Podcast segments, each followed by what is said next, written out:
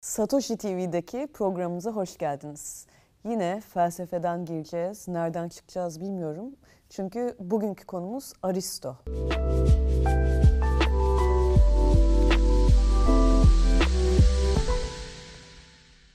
Aristo'da fizik ve metafizik arasında kalmanın inanılmaz hafifliği. Şimdi neden böyle bir başlık seçtim? Zira Aristo belki de felsefe tarihinde bize temel başlıkları veren ve felsefenin belki de en önemli filozoflarından bir tanesi diyebileceğimiz bir adam. Ve dolayısıyla aslında ne yalan söyleyeyim en korktuğum konulardan birine geldik.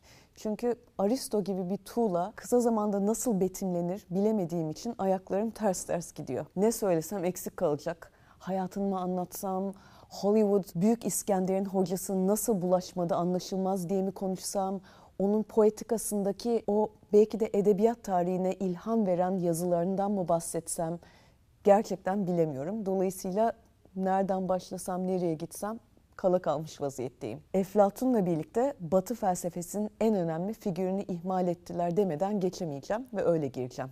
Ama Monty Python'da futbol oynayan filozoflar bölümünü elbet meclisin dışında bırakıyorum. Çünkü o bana göre bir klasiktir harikadır. Lütfen bulup izleyin. Aristo'nun fiziğine girince metafiziğinden çıkamayacağımıza göre biyolojiden tutun siyaset bilimine, estetikten jeolojiye her konuda deli gibi çalışmış, merake bir adam olarak oradan oraya bulaşmış ve bugün dahi düşünceleriyle bizleri düşündürmüş bir felsefeci. Sadece üzerine düşünce üretip mürekkep döktüğü konu başlıklarını söyleyince ne demek istediğimi çok iyi anlayacaksınız. Hazırsanız listelemeye başlıyorum. Şayet canlı yayın yapıyor olsaydık bu konulardan hangisini isterseniz ona göre konuşayım derdim. Ama heyhat bu mümkün olmadığı için şu listeye bir kulak kabartın ve daha detaylı okumalara kucak açın dilerseniz. Başlıktan da görebileceği üzere fizik ve metafizik elde var iki. Sonra gelir zooloji, mantık, etik, estetik, şiir, tiyatro, müzik ve psikoloji. Er Freud Haksızlık etmek istemem ona ama üzgünüm psikolojiyi herkesten önce Aristo irdelemişti. Linguistik, meteoroloji, evet ona da bulaşmış sormayın. Siyaset ve devlet işleri ve kendi icat ettiği retorik yani hitabet sanatı ki günümüzde siyasette ne önemli olduğunu, hatiplerin 10-0 önde olduğunu boşuna görmüyoruz. Verdiği akıl hala kullanılıyor. Başkalarının korkularını görüp ona göre hareket et gibi akıllar vermiştir. Yani Machiavelli'nin bir nevi atısı desek yeridir. Sağ ol Aristo. Anlayacağınız sağlam bir polimattır. Yani çok yönlüdür. Tabii Aristo başlığı hayatını ve eserlerini anlamakla da bitmiyor. Onun eserlerinin yüzyıllar boyunca çevrilmeden önce kalmış olması, sonra İslami Rönesans'la beraber Arap alimleri tarafından çevrilerek günümüz dilleri için korunmuş olması bile başlı başına sağlam bir konudur. Konuşacak çok şey olunca ben otoban ortasında kalmış bir kediye dönüyorum. O yüzden sözü uzatmadan giriyorum. Aristo'nun çok üretken bir hoca ve felsefeci olarak 200 küsür eser kaleme aldığı ama bunlardan sadece 31 tanesi günümüze kalmış olduğunu biliyoruz. Kalmış diyorum ama burada da bir soru işareti beliriyor. Meşhur Romalı bilgin, hatip ve yazar Cicero şayet Platon gümüş ise Aristo altındır dediğine göre burada bir yanlışlık var demeden edemiyoruz. Çünkü birindeki mükemmel film diyalogları kıvamındaki eserler yani diyaloglar duruyorken Aristo'nun yer yer kopuk ve zorlama dili bizi bazen çileden çıkartabiliyor. Ne demek istedi şu adam diye kitap attırıp dersten de çıkartabiliyor. Platon'un aksine Aristo'nun çoğu diyaloğu günümüze kalmamış. Kısacası Cicero'nun kayırmadığını varsayarsak ki böyle bir şeyin söz konusu olmadığı söyleniyor. Aristo'nun orijinal metinlerinin nedenli mükemmel olduklarını düşünmeden edemiyorum. E, hocası Platon'un omuzlarında durunca öyle oluyor işte. Ama her öğrenci de bir Aristo olamaz, orası da gerçek. Bu sefer konseptten değil, biyografisten başlayacağım. Çünkü dediğim gibi hayatı film gibi olduğundan değil sadece, aynı zamanda eserlerinin kronolojilerinden tutun temasına kadar etkileyici bir faktör olduğu için buradan giriyoruz. Aristo milattan önce 384'te Kuzey Makedonya'da doğdu. Yani benim memleketimde. Kayırma yok tabii ki. Gerçi bizim ülkeden Makedonya ismini aldılar ama neyse. Bu Makedonya o Makedonya değil. Günümüzde Yunanistan'ın Selanik'ine yakın Halkidiki'de doğdu. Babası Nikomakos, kendi oğluna babasının ismini verdiği için oğlunun sonradan editlediği Nikomakos etik eserinden de hatırladığınız yani isim tanıdık gelebilir. O babanın oğlu olarak Makedonya kralının özel doktoru olduğundan Aristo iyi bir eğitim alıp babasının izinden gitti. Anne babasını 13 civarında kaybedince hayatın zorluklarıyla yüzleşmek durumunda kaldı. Hayatında Proxenus ve Eflatun gibi baba figürler vardı neyse ki. Ergenlik yıllarında Atina'daki Platon'un akademisinde derslere girmeye başlar. Ama Eflatun vefat edince çok geçmeden milattan önce 347'de oradan ayrılır ve Asos'a taşınır. Neden mi Asos? Çünkü akademiden sınıf arkadaşı Hermeias o sırada Asos hükümdardır. 3 yıl Asos'ta yaşar. Asos'ta neye mi dalar? Tabii ki denize. Marin biyolojisi araştırmaları için Asos biçilmiş kaftandır. Keza daha sonra taşındığı Midilli adası da. 343'te Makedonya kralı 2. Filip tarafından memleketlerinin başkenti Pelle'ye davet edilir. O sıradaki 13 yaşındaki oğlu İskender'e özel hoca olarak işe alınır. Düşünsenize bir dünyanın gördüğü en büyük askeri ve strateji dehalarından biri Diğeri ise felsefe tarihinin en önemli şahıslarından biri. Aristo'nun özel hoca yıllarına dair çok şey bilinmediğinden sonralarda büyük lakabını alacak İskender'e kaç yıl ders verdiği bilinmiyor. Ama İskender'le birlikte gelecekte iki diğer kral olacak olan Ptolemeus ve Kassandra'da hocalık yaptığı biliniyor. Kimi tarihçi 2 ya da 3 yıl konusunda ısrarcı, kimisi de bu eğitimin 8 yıl sürdüğünü söylüyor. Sonuçta İskender çocuk denilebilecek bir yaşta sahalara atıldığı için ihtimal yüksek ki Aristo bir süre sonra Atina'ya geri dönüp kendi okulunu kuruyor. Apollo Likeos'un adanmış olan okula biz bugün tıpkı o günde dediğimiz gibi lise diyoruz. Yani Fransızlarda da söylendiği gibi bizde de lise okulları Ariston'dan geliyor. Platon'un bir akademisi varsa Aristo'nun da elbet bir lisesi olacak öyle değil mi? Lisedeki eğitim Aristo'nun maymun iştahını demeyeyim eklektik zevkine uygun bir şekilde bina ediliyor. Oraya gidenler felsefenin yanı sıra tıp, kozmoloji, teoloji, fizik, müzik, botanik gibi konuları işliyorlar ki Aristo okuyanlarınız bilir tohumlardan evrenlere, yıldızlardan kum tanelerine girip çıkar. Çıkıp girer çünkü o mikroyu kurcalayarak makrodaki temel kanunları çözmeyi hedefler. Konudan konuya atlamasından değil, öğrencilerine yürüyerek ders anlattığı için onlara da peripatetikler yani gezginler deniliyordu. Düşünüyorum da bugün kulaklarımızda telefonlar, sesli kitaplar dinleyip podcast'ten podcast'te oradan oraya koşarken bizler de Aristo'nun peripatetiklerine dönmedik mi aslında? Bence biraz eski çağa özeniyoruz diyebilirim. Neyse Dönelim Aristo'muza. Milattan önce 335'te tekrar Atina'yı terk etmek zorunda kalır. O günlerde Yunan memleketinde bir Makedon olma çok isabetli bir şey değildir zira. Rivayete göre Sokrates'e gönderme yaparak Atina'nın felsefeye karşı ikinci kez günah işlemesine izin vermeyeceğim babında bir cümle kurduğu söylenir. 323'te doğal nedenlerden Eğriboz Adası'nda hayata gözünü yumduğunda hayatı boyunca gezilerinin ve okullarının verdiği ilham bize çocuksu heyecanın ve hevesin özellikle bilim insanlarında ne kadar önemli bir meziyet olduğunu da göstermiştir. Eserlerinin çoğunu bu zaman diliminde yazdığı düşünülür. Gelelim eserlere. Metafizikle başlayalım çünkü Aristo metafiziği ilk felsefe diye hitap eder. Tabi Aristo'nun hitap ettiği şey bugün metafizik dendiğinde bizde uyanan zırtapoz şeyler değildir. Bunlar Aristo'ya göre teorik bilimler ve matematik, fizik ve natürel felsefe gibi başlıkları barındırıyor. Newton'dan binlerce yıl önce Bay Aristo hareketin kaynağını araştırır, zaman denilen tuhaf mefhumu dedikler. Daha o zamanlarda slow city'lerde yaşarken zamansızlıktan kaliteli zaman yaşayamadığımıza, düşünceye vakit ayıramadığımızdan da bahseder. Sonsuzluğu da sorgular. Yer ve zaman kavramını günümüzün bilim kurgu romancıları ya da Hollywood yapımcıların çok seveceği bir şekilde irdeler. İşte tüm bunlar natürel felsefedir. Dünyanın taşı, evreni eterdir ve denekleri ve deneyimleri sorguladığı bir sistem oluşturur. Aristo tüm bunları yaparken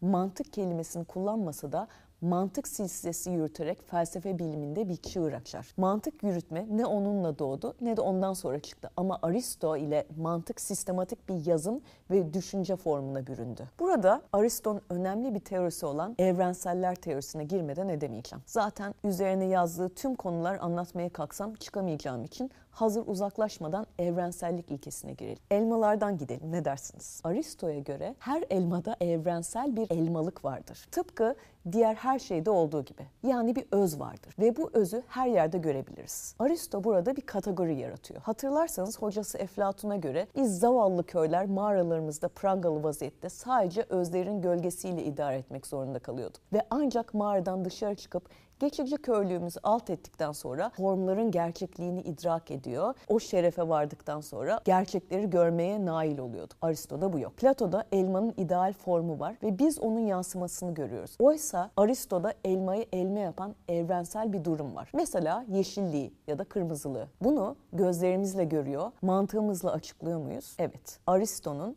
fiziksel ve mantıksal evrenine hoş geldiniz. Bay bay gölgeler diyarı diyoruz ve çıkıyoruz. Aristo hocası Platon'a hürmet etmesini ediyor. Ama bilim sizden önce gelenleri sorgulayıp putları indirmedikçe ilerleyemediğine göre şöyle tarihi bir cümle kuruyor. Platon benim dostumdur fakat hakikat daha büyük dostumdur. Böylelikle Platon'un teorisini bir kenara atmış, hakikati materyalist dünyevi okuma sayesinde ulaştığını söylemiştir. Cambridge'de elma ağacının altında yer çekimi kanununu düşünen Newton buradan hareketle Platon arkadaşım, Aristo arkadaşım ama en iyi arkadaşım gerçek diyerek konuyu bir güzel kapatmıştır. Buradan Aristo'nun beş elementine ateş, hava, toprak, su ve eter konusuna çok güzel yatay geçiş yapabilirdim ama Aristo gibi dünyevi bir filozofun günümüze bağlayamayacağımız konularına pek girmek istemiyorum. Dolayısıyla sıcak, soğuk, ıslak, kuru nitelikli elementleri hayatımıza bağlayamayacağım için ve elmalardan bahsettiğim gibi bahsedemeyeceğim için geçiyorum. Eter meselesi çok havalı ama kusura bakmayın girersek buna da çıkamayız. Daha fiziksel konulara girelim. Zira Aristo tam bir kategori canavarı. Ne demek bu? Her şeyi sınıflandırıp anlamlandırmaya çalışıyor. Metafizikte tanrı kavramını tırmalıyorsa fizikte havadan bitkiye, dünyamızdaki canlıları kutucuklara sokuyor. Hayvanları yukarıda bastı geçen elementlere ayırıp hava hayvanları, su hayvanları, toprak hayvanları ve ateş hayvanları diye ayırt ediyor mesela. Çin keşfedilmiş olsa belki ejderleri de bu kategoriye sokacaktı ama semenderlerle idare ediyor. Teorisinden emin. Buradaki kısıtlı zamanımda anakronistik davranıp ne saçmamış Aristo demek istemem. Ama şöyle bir gerçek var ki bizler bu okuduklarımızdan kendi hayatlarımız için ne çıkartıyoruz sorusu odanın ortasında parlak bir fil gibi duruyor. Çünkü düşünsenize elementler deyince bugün bizde pek bir şey çağrışım yapmıyor. Ama Aristo'nun bahsettiği çağda element deyince aslında evren okuması yapıyordunuz. Sonuçta bu çağda uzun uzadıya eterin ne olduğunu, simyacıların obsesyonlarını falan anlatacak değilim. Meraklısı lütfen açıp okusun. Ama hazır hafif bir yerme moduna girmişken de kadın meselesine girip çıkacağım izninizle. Aristo siyaset adlı başyapıtında kadına kendi gününde gördüğü gibi yazar. Yani ikinci sınıf bir vatandaş olarak ilan eder. Vatandaş demek doğru değil çünkü kadın tam bir vatandaş değildir. Ne oy verme hakkı vardır ne eğitim alma hakkı antik Yunan'da. Kadın mükemmel olmayan ya da eksik bir erkek olarak daha duygusal, daha dürtüleriyle hareket eden, daha çok şikayet edip kolay kandırılabilen varlık olarak okurlar ve görürler. O yüzden erkeğin boyunduruğunun altında koca karısına hükmetmeli, kontrol ele almalıdır diye anlatılır ve yazılır. Bu kadar dengesiz mahlukata güven olmaz ne de olsa Aristo'ya göre. Diğer kitaplarında kadınları bu kadar alt etmez gerçi.